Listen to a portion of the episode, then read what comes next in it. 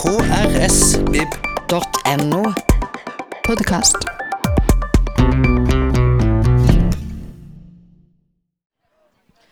Ja, hei og hjertelig velkommen til Fredagsland. Så hyggelig å se alle sammen. Det er jo faktisk høstferie, men det er ingenting som tyder på det her. Eller er det nettopp det dere tar ferien her, da? Ja. I dag har, markerer vi et jubileum.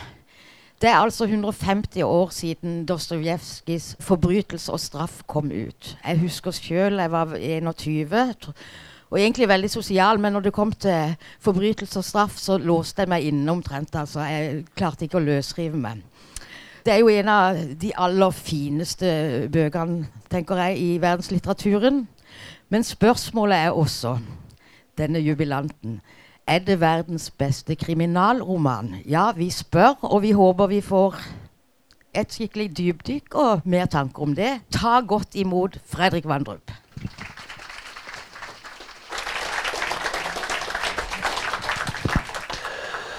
Tusen, tusen takk. Og takk for fremmøtet. Utrolig hyggelig. På en dag hvor man kunne være ute og nyte høstværet istedenfor denne dystre kjellerstemningen som kommer til å spre seg her etter hvert. Eh, ja, som Randi nevnte, eh, forbrytelse og straff. Eller som mange kjenner den som, Raskolnikov er jo en av eh, verdenslitteraturens uh, store klassikere. Det er en bok som, uh, som fortsatt er i omløp, og som leses av, av mange. den fins faktisk i flere oversettelser på norsk. den mest aktuelle og nyeste er, den er nettopp, nettopp kommet ut i, den, i det formatet, oversatt av Jan Brodal. Ellers fins det også en uh, som mange sikkert har vært borti, av Ivar Digernes, Digernes som kom ut som uh, lanternebok i, i, sin tid. Og så er det vel mange, kanskje på Særlig på, på Blindern på 70-tallet var det veldig populært å, å eie Einar Thomassens samlede Dostojevskij-verker på dansk. Så, så, her er det mange, mange varianter. og det står jo noenlunde samme i det, men ikke akkurat. fordi det, det, det er delvis eh, så var disse oversetterne språklig fantasifulle mennesker som, eh, som uh, gjorde Forvandlet uh, Dostojevskijs språk til et norsk som de syntes var passende. Det, men alle er, alle er jo gode å lese. Ja, en klassiker, som sagt. Og hva er en klassiker. Jeg tenkte jeg skulle innlede med noen uh, sitater fra, fra, Italo Calvino, den store italienske forfatteren, som har skrevet et uh, essay som heter uh, 'Why Read the Classics'. Han skriver at en klassiker er en bok som for hver lesning byr på en like sterk opplevelse av å oppdage noe nytt som første gang. Men den er også, Han har 14 punkter. jeg skal bare ta noen få dem. En klassiker er en bok som selv når den leses for første gang, gir en følelse av at vi har lest den før. Og for det tredje, en klassiker er en bok som aldri har tømt alt den har å fortelle en leser.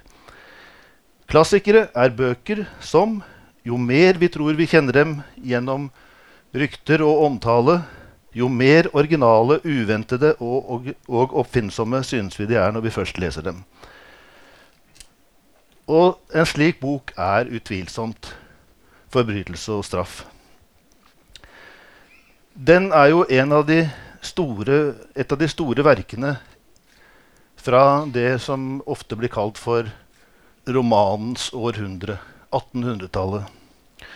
Da slo de til i mange land. I Frankrike hadde vi Balzac, Flaubert, Stendhal med store, store omfattende og dyptfløyende romaner. Eh, I England Jane Austen, Charles Dickens, Thomas Hardy og etter hvert Joseph Conrad. Og i USA skrev Herman Melville, James Fenmore Cooper og Nathaniel Hawthorne store bøker som, som, var med på å gjøre 1800-tallet til romanenes århundre. For ikke å snakke om Norge, som hadde den store gullalderen med romanforfattere som Alexander Kielland, Amalie Skram, Jonas Lie og etter hvert Arne Garborg og Knut Hamsun. Dostojevskij var en av de som gjorde seg bemerket med ofte meget store romaner, og meget inntrengende romaner, meget nyskapende romaner. Vi har jo alle, i hvert fall jeg, da, en drøm om at jeg en gang skal kunne frigjøre noen år av mitt liv til å lese de store russerne. Å lese de store russerne det er et uh, verdig ferieprosjekt. Da må man lese Pushkin, Lermontov, vår tids helt. Gogol, Døde sjeler. Turgenev, Fedre og sønner. Tolstoy, Krig og fred og Anna Karenina. Og etter hvert Maksim Gorki med sine erindringer og sine fortellinger. Det er de store russerne, og den kanskje, den kanskje aller største av dem er altså Fjodor Dostojevskij. Dostojevskij, for å minne litt om hans eh, livshistorie. Hans historie er, jo Kunne jo vært den mest dramatiske romanen av dem alle. For eh, den er eh, ikke snau. Han ble født for eh, ja, Om noen, eh, et par uker så er det 195 år siden Dostojevskij ble født i Moskva. 30.10.1821.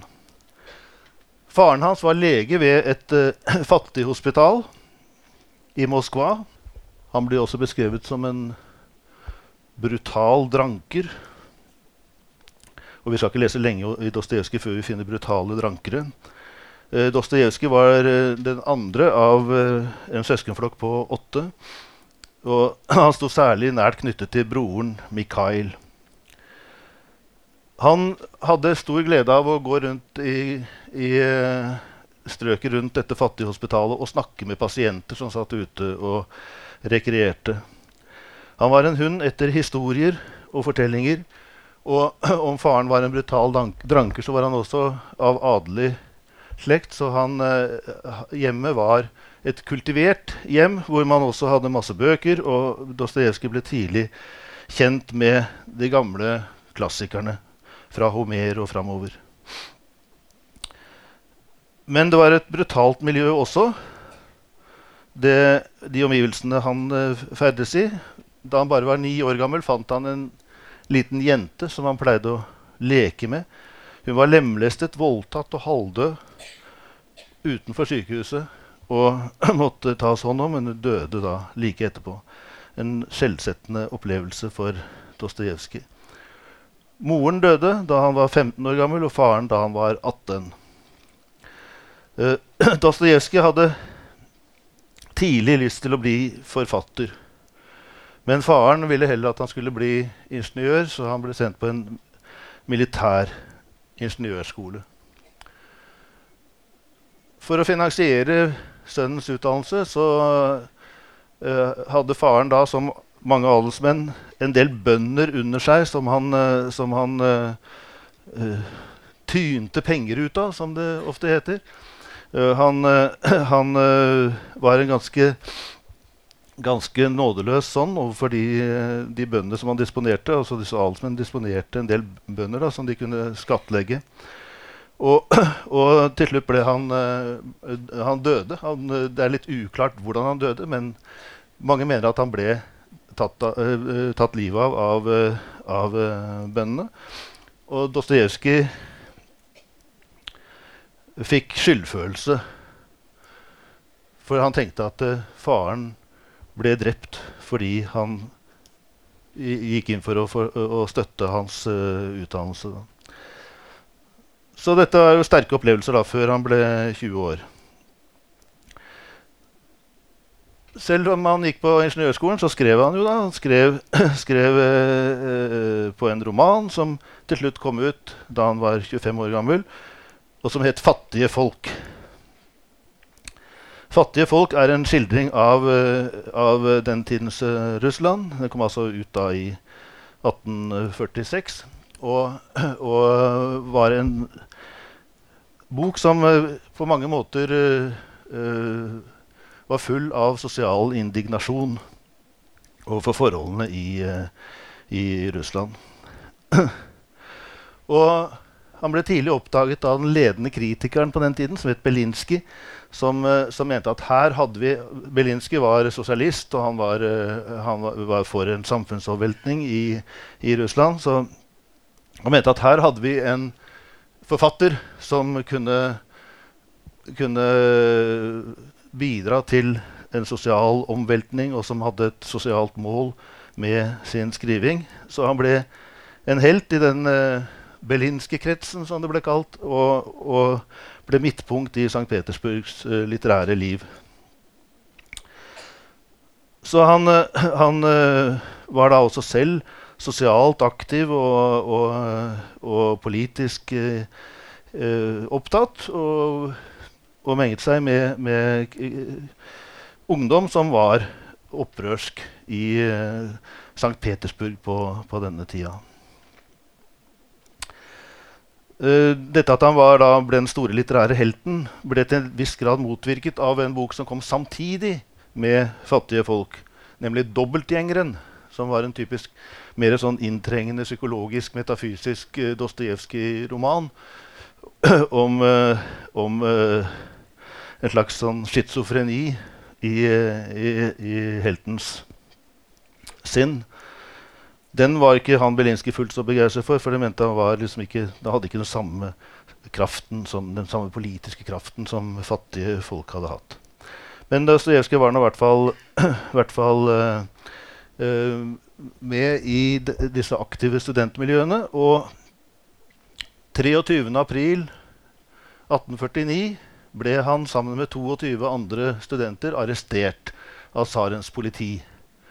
Og satt i fengsel. Og satt der i åtte måneder før de alle sammen ble, fikk beskjed om at de var dømt til døden. Så de ble ført ut av fengselet og ned på den store plassen utenfor. Uh, der var det stilt opp uh, skafotter med plass til hver og en, mens, uh, mens da sånne henrettelsespeljetonger sto konfrontert direkte med dem og klare til å skyte og gjennombore dem med kuler. Dostojevskij var, var, den sjette som, som, da steg opp på skafottet, uh, klar til å møte sin dom og sin skjebne med stor verdighet, blir det sagt. Og så i siste øyeblikk, selv etter at, at en uh, kommanderende offiser hadde ropt 'fyr', så kommer det da skramlende en vogn inn på plassen og et bud kommer 'Vent, vent'. Vent, ikke heng ham, som det heter. og, og, og, og, hadde da med seg et brev fra tsaren med beskjed om at samtlige var benådet. og det viste seg jo da seinere at uh, dette her var satt i scene for å skremme, for å skremme disse opposisjonelle elementene. Så isteden ble da og det, det, klarte de helt sikkert, å skremme dem. Men, men, uh, for de visste jo ikke at dette var, uh, var, var satt i scene. Men det ble likevel dømt. av. Dostojevskij ble dømt til fire års uh, straffarbeid i Sibir og sendt til et sted som heter Omsk. Og her treffer han da det han senere kaller for virkelige mennesker. Det var voldsmenn, mordere, voldtektsforbrytere, uh, folk som hadde begått de skrekkeligste forbrytelser. Men Dostojevskij var jo interessert i mennesket. Så han snakket med disse. Snakket med dem og samtalte og, og, og prøvde å trenge seg inn i hvem de var. Hva slags uh, motiver som hadde, hadde drevet dem. Og han kalte dem for Dette var virkelige mennesker. Så han, han uh, han holdt ut dette, dette oppholdet i Omsk med, med, viss med et visst litterært utbytte. Uh, Seinere ble han uh, da, etter at han slapp ut etter fire år, så ble han, uh, ble han uh, tvunget til å være med i et såkalt strafferegiment i fire år til. Så åtte år gikk altså med til, til dette her. Før han kunne komme ut igjen og begynne å, å ta opp igjen sitt, sitt forfatterarbeid. Og da begynte det å komme bøker igjen. Da kom opptegnelser fra De dødes hus, opptegnelser fra et kjellerdyp. De fornedrede og de krenkede kom på løpende bånd sånn uh, fra rundt 1860. Og da er vi fremme ved dagens tema, nemlig Raskolnikov. Raskolnikov, som, uh, som jo da ble jeg er sikker på at det er uh, de av dere som har lest Dostojevskij Hvor mange har lest Raskolnikov? Altså, det er nesten alle sammen. Uh, og jeg er sikker på at for, for veldig mange så er uh, Raskolnikov den første, den første boken av Dostojevskij man, man, leser. den er, den er en den var en, For, for, for Dostojevskij var den et kunstnerisk og publikumsmessig gjennombrudd. Men den hadde også en dramatisk uh, forhistorie. da. I 1865, da var, da var Dostojevskij altså 44 år gammel og, og var i en uh, desperat situasjon. Han, uh, han hadde giftet seg med en dame som het Maria, men hun, hun døde da i 1864 av tuberkulose. Uh, samtidig mistet han denne broren, som han hadde, var veldig nært, nært, knyttet til, og som han hadde drevet et tidsskrift sammen med. Altså Mikhail, uh, De drev et tidsskrift som het uh, Tiden. og, og, der trykket uh, Dostojevskij noen, noen, av romanene sine. Men det ble forbudt og, og lagt ned. Og det, som, det, det, det de sto igjen med, var en enorm gjeld uh, etter investeringene i dette tidsskriftet. Mikael hadde også en stor familie som han da døde fra. Han fikk en akutt leverbetennelse. Noen mener at han, at, uh, at han ble syk fordi, fordi, problemene tårnet seg så voldsomt opp rundt ham. Så Dostojevskij måtte overta både ansvar for familien hans og for denne svære gjelden. Og han hadde jo selv ganske, ganske, bra med gjeld også, så, så det, var, det, var, ingen, uh, ingen uh, hyggelig situasjon for uh, Fjodor. Kreditorene de, de var etter han, og det var nådeløse. Han ble truet med å sitte i, gjeldsfengsel. Så, så, så, dro han da og, og gjorde kanskje det dummeste han kunne gjøre. Han, han hadde jo noen penger, han, men han dro, reiste til Wiesbaden, og der var det et kasino. Så han satset alt på ruletten. Og tapte alt, selvfølgelig. Vant først en formue, og så spilte han den bort igjen. Uh, og, og, og, var uh, mer ille ute enn uh, noensinne. Han var altså i en totalt desperat situasjon. Han hadde da begynt på et, et manuskript han måtte jo da forsøke å, å få penger ved å, ved å, øh, ved å love redaktører i tidsskrifter at han skulle skrive romaner. Så han hadde begynt på et manuskript som het 'Drankere'. Drankere, eller fylliker.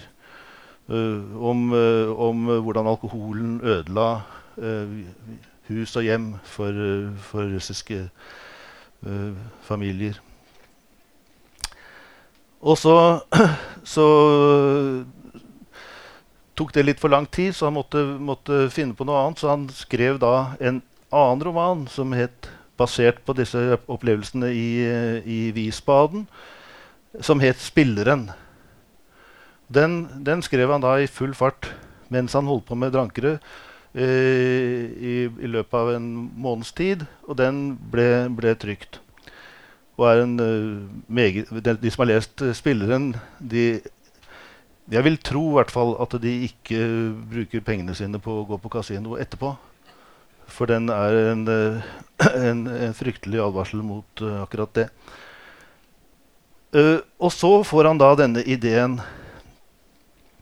mens han da skriver spilleren og har drankere i bakhodet, så får han denne ideen om å skrive om en ung student som blir morder. Og begynner å skrive om det i brev. Og han tenker seg først at Raskolnikov, som han da uh, begynner å kalle denne boka Han tenker først at den skal, skal bli en relativt kortfattet og, og, og, og entydig dramatisk spenningshistorie. Men så får han denne ideen at han vil virvle stoffet fra drankere også inn i de, denne, denne, romanen. Så den handler altså da Den begynner med å fortelle om, uh, om, Raskolnikov. Og så går det ikke mange sidene, så treffer Raskolnikov en mann som heter Marmaladov.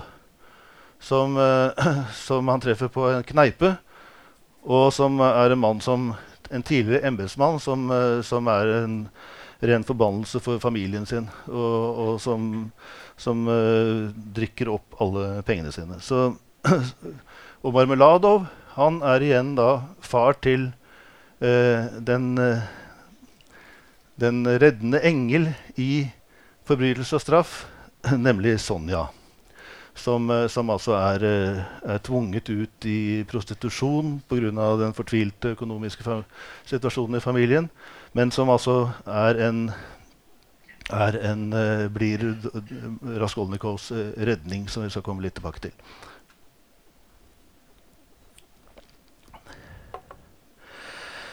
Men allerede etter noen få sider så skjønner vi at uh, Raskolnikov har skumle planer.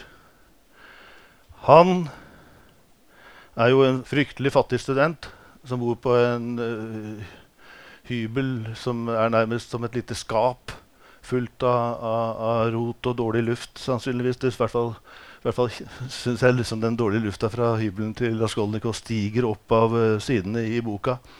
Og, og, jeg har en gang uh, hatt det fantastiske privilegiet med å bli vist rundt i Raskolnikovs fotspor av dikterens tippoldesønn som het Mikhail, og som, uh, som lignet på dikteren.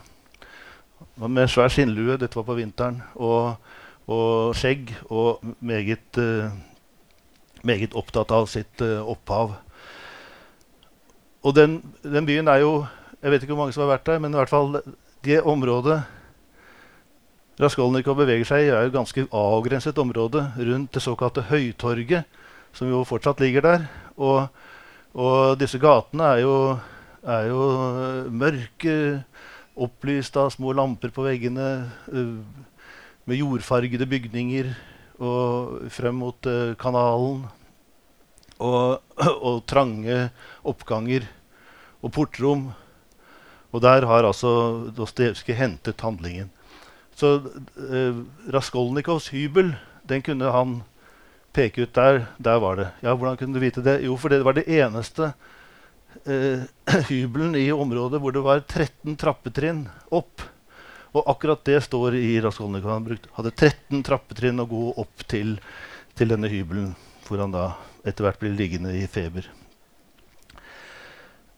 Og, og øh, han kunne også si at der bodde Sonja, og der er politistasjonen hvor, uh, hvor uh, den skarpsindige politimannen Porfiri Petrovic uh, piner Raskolnikov før han, før han omsider tilstår. Vel, i alle fall. Det vi får vite fra begynnelsen av, er at Raskolnikov vil begå et drap.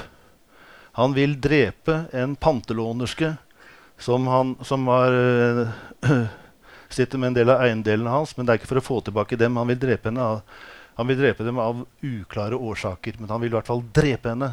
Og, og, og han har også da en, en, mor og en søster som, eh, som, eh, som uh, har store økonomiske vanskeligheter, så han, det, det, kunne kanskje hjelpe dem at han, at han drepte denne, denne pantelånersken og, og stjeler det hun har av verdier. Men det er også an, det er me, mer eh, dyp, årsaker til at uh, Raskolnikov ønsker å begå et drap. Han ønsker å drepe denne damen. Hun ingen, har ingen verdi for menneskene, mener han. Det har større verdi at han dreper henne og tar pengene hennes og bruker dem til noe fornuftig.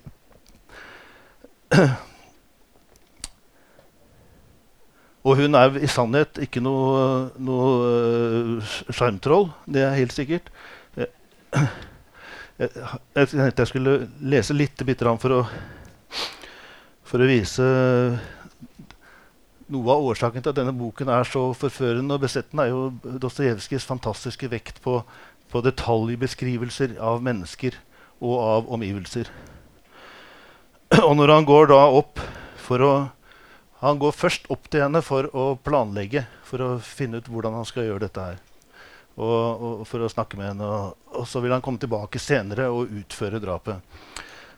Og han går opp, går opp da, opp trappene mørke trapper alltid i, hos Dostojevskij. Og så etter en stund, etter en liten stund åpnet døren seg ørlite på gløtt. Leilighetens innehaverske øyefor fra sin dørsprekk den nyankomne med åpenlys mistro. Det eneste man kunne se av henne, var de små øynene som liksom gnistret i mørket. Men da hun ble var at det oppholdt seg mange mennesker ute på trappeavsatsen, ble hun modigere og åpnet døren helt. Den unge mannen trådte over terskelen og kom inn i en mørk gang som var skilt fra det knøttlille kjøkkenet med en skillevegg. Den gamle damen ble stående foran ham mens hun så på ham med spørrende blikk. Hun sa ikke et ord. Det var en ørliten, inntørket gammel kjerring i 60-årsalderen. Barhodet med små, skarpe og sinte øyne og med en liten, spiss nese. Det lyse og lett grånende håret hennes var innsmurt med en fet hårolje. Hun bar et fillete flanellstørkle tullet rundt den lange og tynne halsen, som minnet om den gule foten til en hønsefugl. Og over skulderen hadde hun, til tross for heten, en pelsforet vest, et gulnet og utslitt plagg. Den gamle hostet og harket uten stans. Den unge mannen måtte ha betraktet henne med et eiendommelig blikk, for det gamle mistroiske glimtet kom atter til syne i øynene hennes. Du ser det altså så levende for deg at dette kan ikke gjøres bedre på film. Uh, og dette er jo noe av styrken i, uh, i Dostojevskijs uh, litteratur. Da. Han har denne fabelaktige, inntrengende observasjonsevnen. Men han var altså helt fullstendig nedkjørt. Og jeg tror nok også at noe av desperasjonen i denne boka kommer av at Dostojevskij selv var i en fullstendig desperat situasjon. Uh, Geir Kjetsaa, som har skrevet en fabelaktig biografi om Dostojevskij, sier aldri skrev han bedre enn når han hadde tapt alt og fått lindret sin skyldfølelse ved rulettkulens nådeløse straff. Så, så, her går det jo unna. I løpet av året 1866 så ser da Raskolnikov dagens lys. Og han begynte å publisere den i, da han publiserte den i et, uh, i et uh, tidsskrift som Rus Ruski Vestnik. Uh, og fra, fra, fra tidlig på året og gjennom hele, hele, året 1866. Så han skrev, uh, fortsatte å skrive liksom da etter at han hadde begynt å publisere.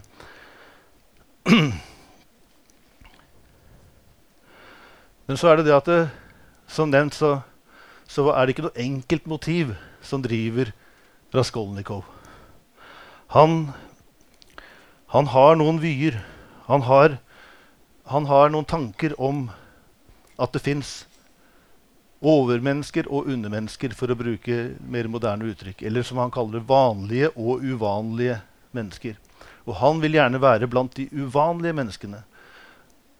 Han spør seg selv er jeg et menneske eller er jeg en lus.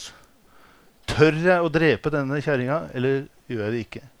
Og når han først da gjør det, så kommer han jo opp i ekstra trøbbel da, fordi søsteren plutselig dukker opp midt oppi det blodbadet han setter i gang. Så han må drepe henne også, så han er altså dobbeltmorder.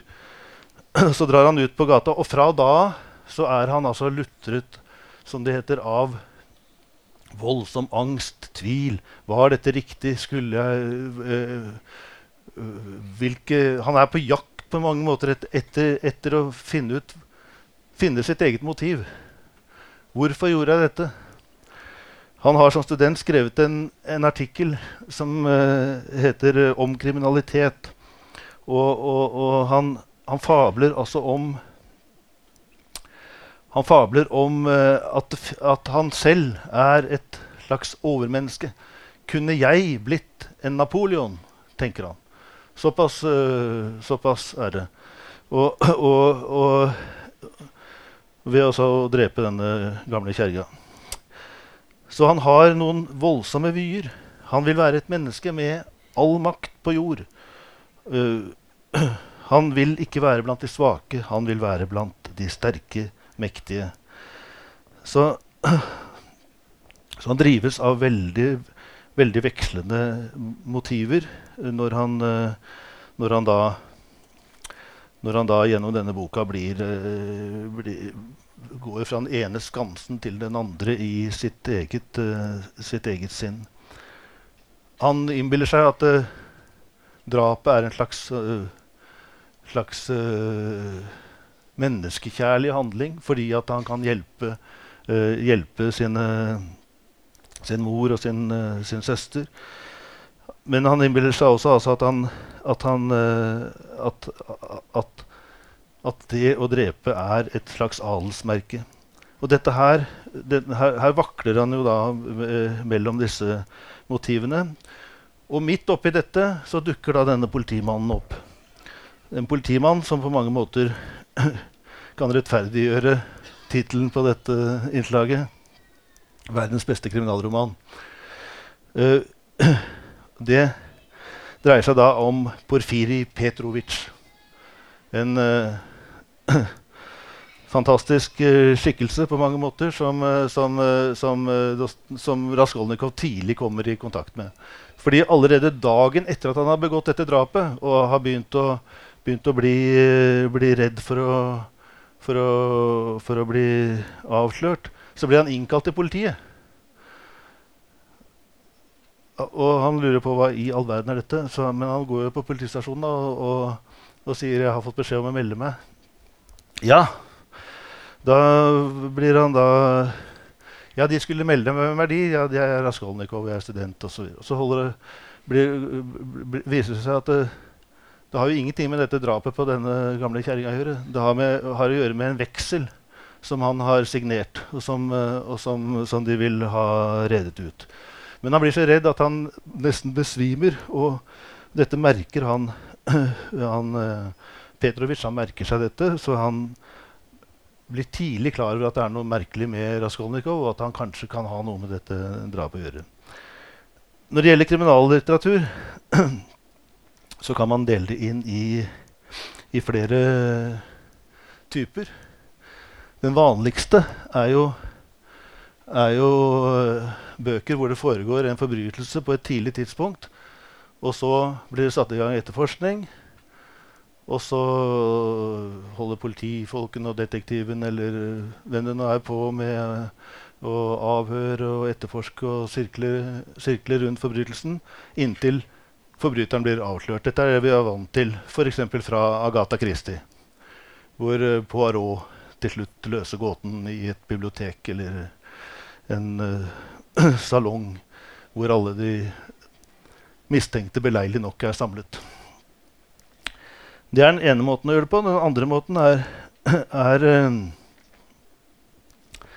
bøker hvor det foregår en forbrytelse tidlig i boka. Leseren vet hvem som har gjort det, og så består spenningen i, i uh, hvordan vedkommende blir avslørt. Og hvor møter vi det? Jo, det møter vi hos uh, etterforskeren Columbo, Columbo som Columbo, som vi, som vi, alle sammen kjenner fra TV. Der skjer forbrytelsen i løpet av de første minuttene. Vi ser hvem som har gjort det, og hvordan han har gjort det. Men han har forsøkt å begå det perfekte drap, så det blir ikke lett å oppklare dette her. Men så kommer Columbo, og så begynner han å spørre om de merkeligste ting. Og han stopper i dørsprekken og ett spørsmål til. og og holder på. Og hvem var forbildet for Colombo? Det var nettopp Porfiri Petrovic, som da tyner og, og, og, og, drar i denne stakkars uh, Raskolnikov utover i boka. Og innleder samtaler om helt andre ting enn det, enn det Raskolnikov uh, forventer seg. Før han til slutt uh, Petrovic sier at uh, Ja, men hvem begikk dette drapet, da? sier Raskolnikov. Ja, men det var jo deg, sier Petrovic. Det var jo deg, det. Han får ikke bevist det, men Raskolnikov vet at Petrovic vet. Og så, så Ja. Gjennom denne boka så, så øh, får vi jo et veldig levende bilde av, øh, av øh, Petersburg. Jeg kan ikke tenke meg noe bedre guide til Petersburg enn en, en, øh, Raskolnikov. Og det ser som sagt omtrent akkurat sånn ut som det, som, som det gjorde den gangen uh, Dostojevskij skrev boka. Og beskriv, eh, nå, nå er Raskolnikov ute i, på gata i, i Petersburg. Ute på gaten var det en fryktelig hete. Luften var trykkende, og det var stor trengsel av folk. Overalt var det kalk, stillaser, murstein og murstøv, samt den særegne sommerstanken som er så velkjente for alle peterburgere som ikke har anledning til å leie seg sommerhus på landet. Alt dette på en gang hadde en rystende og ubehagelig virkning på den unge mannens nerver, som allerede på forhånd var i ulage. Den uutholdelige stanken fra skjenkestuene, som i denne delen av byen er særlig tallrike, og alle de fulle folk han hvert øyeblikk støtte på, enda det var midt i arbeidstiden, ga dette dystre og frastøtende bildet dets fullendelse og den dystre koloritten dens endelige ferniss. Sånn er det fortsatt i, i Petersburg. Jeg- han han uh, tippoldebarnet til Dostojevskij kunne vise her fant uh, Raskolnikov øksa. For den fant han nemlig på en hylle i et portrom. Og her gjemte han pengene. og, og, og, og her gikk han rundt og slet i sjelen sin for å, for å finne ut hva han skulle gjøre. Hva skal han gjøre? Han har begått et drap. Hva skal han gjøre? Hvordan skal han takle dette her? Skal han, skal han ta livet av seg? Skal han, eh, skal han eh, triumfere? Skal han leve med denne hemmeligheten? Eller skal han sone den? Så han går rundt i byen som en sånn litt eh, Egentlig er han et eksempel på, det, på en skikkelse som dukket opp i litteraturen mange steder i, i, i dette, eh, denne tiden.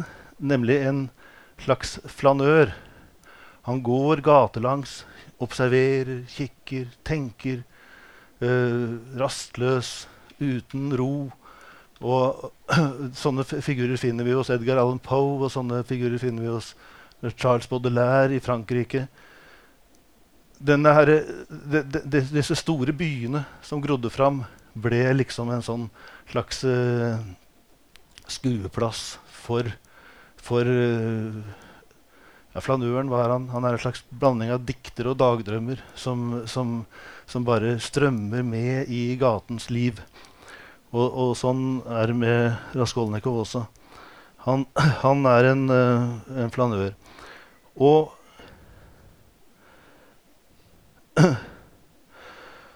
hvem inspirerte Dostojevskij? Mange, selvfølgelig. I det første beskrivelsen av denne pantekjerringa kjenner vi vel igjen eh, Charles Dickens, som jo var en stor inspirasjonskilde for, uh, for Dostojevskij. Men også, også eh, Edgar Allan Poe hadde han, hadde han lest. Og han hadde lest uh, Poes eh, eh, Skal vi si horrornoveller om, med, med jeg-personer som har begått drap. Eh, historier som 'Den svarte katten' eller 'Sladrehjerte', som den heter på norsk. Om, om, eh, om, eh, om mennesker som lutret av sin samvittighet eh, presses til å, å, å tilstå det de, det de har gjort. Så dette, dette vet vi at uh, Dostojevskij hadde lest, og han hadde også lest de første detektivhistoriene til Edgar Allan Poe, og sannsynligvis blitt inspirert til å skape denne Porfiri Petrovic som, som den skarpsindige detektiven. Men han har denne vrien at detektiven altså eh, driver et psykologisk spill med sitt offer. Eh, han er ikke liksom entydig på jakt etter å løse gåten. Han, er, han går omveier, og han, eh, han, eh, han leker med, med offeret. Så så treffer vi masse bipersoner i, i, i denne boka. Folk, fryktelige tragedier utspiller seg på, på gata. Uh, som jeg nevnte, møtte han en mann som heter Marmaladov, som altså var sønnen, faren til denne Sonja. Han er jo en fryktelig fyllebøtte, men, men han har altså som all, alle menneskene i, hos Dostojevskij har jo både noe godt og vondt i seg.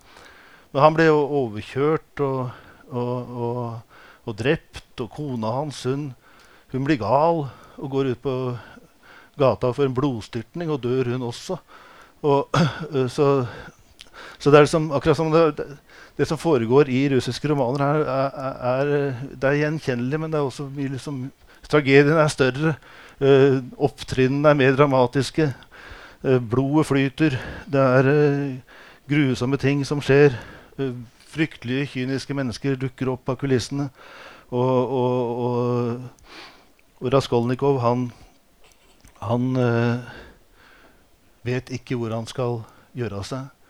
Uh, men så møter han da denne Sonja. Og hun er også skildret med, med i, i, sin detaljrikdom, men hun er jo da en annen type enn denne heksa. Hun er jo bare god, bare vakker.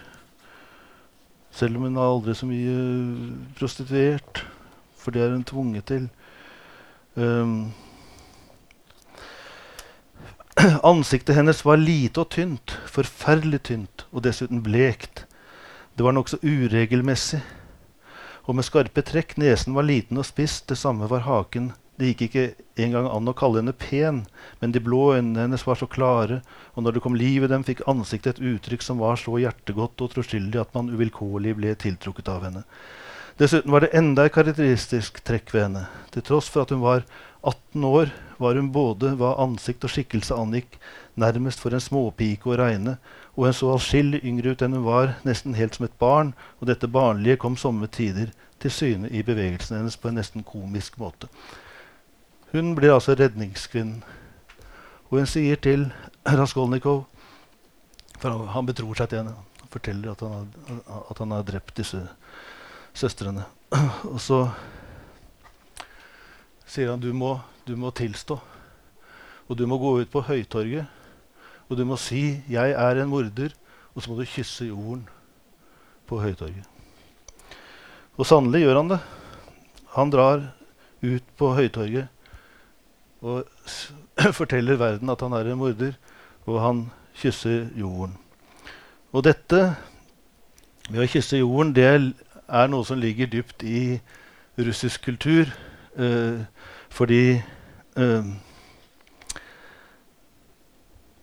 det har noe med troen på at eh, bak det hele, bak hele universet og verden og tilværelsen, så finner vi den store mor. Og den store mor, det er jorden, det er kloden, som er vår alles mor. Og det er der vi må søke, søke forsoning. Så Raskolnikov, han kysser jorden, tilstår og tar sin straff som er sju års fengsel i, omtrent på samme sted der Dostojevskij havnet, i Sibir. Og, og, Sonja hun flytter inn i en liten landsby i nærheten og lover å vente på han. Så, så, så det ender godt, da, for å si det sånn. Men, men, men, men, det er jo ikke så enkelt og romantisk som, som det høres ut her. fordi dette her har med Dostojevskij har da en, en uh, mening med å, med å, skildre denne typen, uh, denne typen forsoning. Raskolnikov, det betyr uh, Ordet Raskolnikov, eller navnet, kommer av splittelse. Og gjennom drapet har Raskolnikov skilt seg ut fra menneskeheten ved å gjøre noe som er unevnelig, og som han ikke kan, uh, ikke kan uh, dele med andre mennesker. Gjennom, gjennom, å tilstå så kommer han tilbake til menneskene og, og blir en del av menneskeheten igjen. Så, så sånn uh, ender jo dette. Og om det er en kriminalroman eller ikke, det får dere selv avgjøre når dere leser denne boken om igjen. En ting som av, Et av kriteriene til Italo Calvino på en klassiker er også at det, er, at det er bøker som folk aldri sier at de holder på å lese. De sier at de holder på å lese dem om igjen.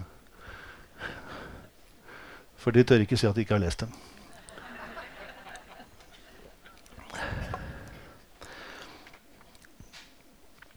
Harold Bloom uh, den store litteraturforskeren, han kaller dette for den beste, beste fortellingen om mord som er skrevet, og sammenligner, sammenligner uh, Raskolnikov med Shakespeare-skikkelser som Hamlet og Macbeth. Det er også kjent at mange, at Dostojevskij og særlig Raskolnikov fikk uh, fikk med sin uh, stil og med, sin, uh, med, sitt tema og sin, sin, uh, sin måte å skildre det desperate, moderne mennesket på, stor innflytelse på norsk litteratur. Vi kan da særlig, særlig nevne Hamsun, som, som hadde lest 'Spilleren' og skrev en novelle som heter 'Hasard'. Og du snakker om plagiat, for uh, der er det nærmest avsnitt for avsnitt direkte oversatt til, uh, til norsk og satt på trykk. Men, men uh, mer selvstendig var han jo da selvfølgelig i, i 'Sult' og 'Mysterier', som, som begge er sterkt inspirert av, av særlig Raskolnikov. Og vi har jo også uh, henvisninger i, i, masse andre norske forfattere. Obstfelder var veldig opptatt av, uh, av uh, Raskolnikov og har skrevet noe som er direkte henvist til, til han. Og Olav Duun i sine skildringer av ondskapen i indre Trøndelag. Ondskapen kjenner ingen geografiske grenser. Og så seint som for noen få år siden så hadde førte her, Herbjørg Wassmo Herbjørg Wassmo en uh, dialog med Raskolnikov i en av sine bøker. Uh, en fiktiv dialog om, om det var riktig av henne eller ikke å ikke drepe faren sin, han som hadde forbrutt seg mot henne.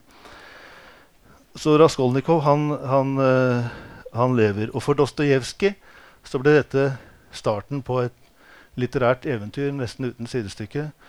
Etter at han hadde skrevet uh, Raskolnikov, så kom fantastiske bøker på løpende bånd. Da kom 'Idioten', 'De besatte', 'Ynglingen' og til slutt, uh, til slutt 'Brødrene Karamazov'. Storverket som liksom avslutter dette forfatterskapet. Og Hvis dere er i Leningrad, så er det også et Dostojevskij-museum i den siste leiligheten han bodde i, og der hvor han skrev, skrev uh, 'Brødrene Karamazov'. Så i Petersburg er det fortsatt mye å hente for den som gjerne vil gå i Dostojevskijs eh, fotspor. Han har jo også, Denne boka er jo filmet 30 ganger, tror jeg. Jeg har noen eksempler her. Dette her er en av, regissert av uh, Josef von Sternberg. Dette her er uh, en amerikansk variant. For, uh, uh, Raskolnikov ferdes jo i de forskjelligste miljøer. Her er noen engelske varianter med Trond Hurt i hovedrollen. Og, med, og, og, og, her er en finsk, Aki Kaurismäki, som har lagd sin variant av, av forbrytelse og straff. Men den aller beste og flotteste, hvis dere kan få tak i den, det er den russiske en russisk lang film. Jeg tror den er seks timer. eller noe sånt, og Det er meget intenst. og de, de, fleste av disse filmene er veldig sterkt preget av en sånn slags noir-estetikk. Eh, altså Det er mye lys og skygge og, og, og skjebne i bildene. Det er også masse litterære eksempler. Jeg, bare, jeg bare fant noen her på biblioteket. Uh, J.M. Cutts har skrevet en roman om, uh, om uh, Dostojevskij. 'Mesteren fra Petersburg'. Og denne her, Leonid Sjupkin, han har skrevet en, en, en roman der halvparten er, handler om Dostojevskij, og halvparten om han selv, som heter 'Sommer i Baden-Baden'. En fornøyelig og flott bok. Og her er et meget interessant eksempel. Denne forfatteren her traff jeg i Oslo for noen år siden. Atik Rahimi. Han har skrevet 'Faen ta Dostojevskij' den handler og Der har han lagt Raskolnikov til Kabul. Og noe av poenget der er at uh, Raskolnikov i hans bok dreper jo også en pantelånerske. Men det er jo ingen som bryr seg om det, for det er jo krig. Og hvem fanken er interessert i et sånt lite filledrap midt oppi, midt oppi det infernoet som, som uh, foregår der? Så Raskolnikov, den, den lever. Og ja Den er uh, full av lidelse, og det er ikke tilfeldig. Dostojevskij har, uh, har uh, uttrykt seg om lidelse som et slags livsprinsipp. I et brev skriver han, og dette var mens han holdt på med Raskolnikov Det er ingen lykke i komfort. Lykken kjøpes gjennom lidelse. Slik er vår planets lov, men denne umiddelbare erkjennelse, som fornemmes gjennom livsprosessen, er en så stor glede at den kan betale for den med, mange, med, med års lidelser. Mennesket er ikke født til lykke. Mennesket erverver lykken, og alltid gjennom lidelse.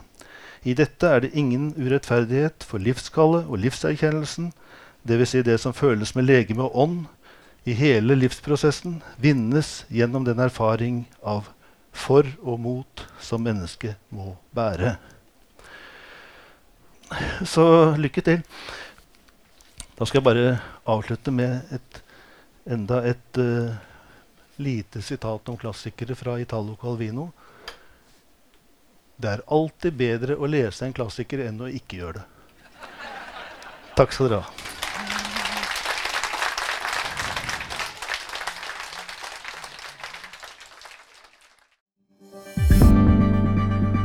Flere podkaster fra oss finner du på Google Podkast, Apple Podkast eller iTunes, eller ved å stikke innom vår hjemmeside på krsbib.no.